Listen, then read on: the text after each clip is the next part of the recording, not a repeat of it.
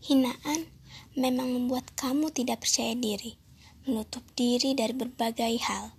Bahkan untuk melakukan aktivitas pun enggan. Rasanya tak ingin bertemu dengan siapa pun. Merasa tenang dalam ruang dengan kesendirian, bahkan selalu menutup diri terhadap siapa pun. Kesendirian mengajarkan banyak hal, membuatku mengerti bahwa dunia ini begitu sempurna untuk dinikmati. Aku bukan antisosial, tapi aku hanya menikmati kesendirian karena di luar sana terlalu banyak kebencian, sedang aku butuh kedamaian. Kesendirian memang membosankan, tetapi kesendirian menjadi indah ketika keramaian tak mampu memberikan kebahagiaan. Kesendirian bukanlah kesalahan. Dari kesendirian,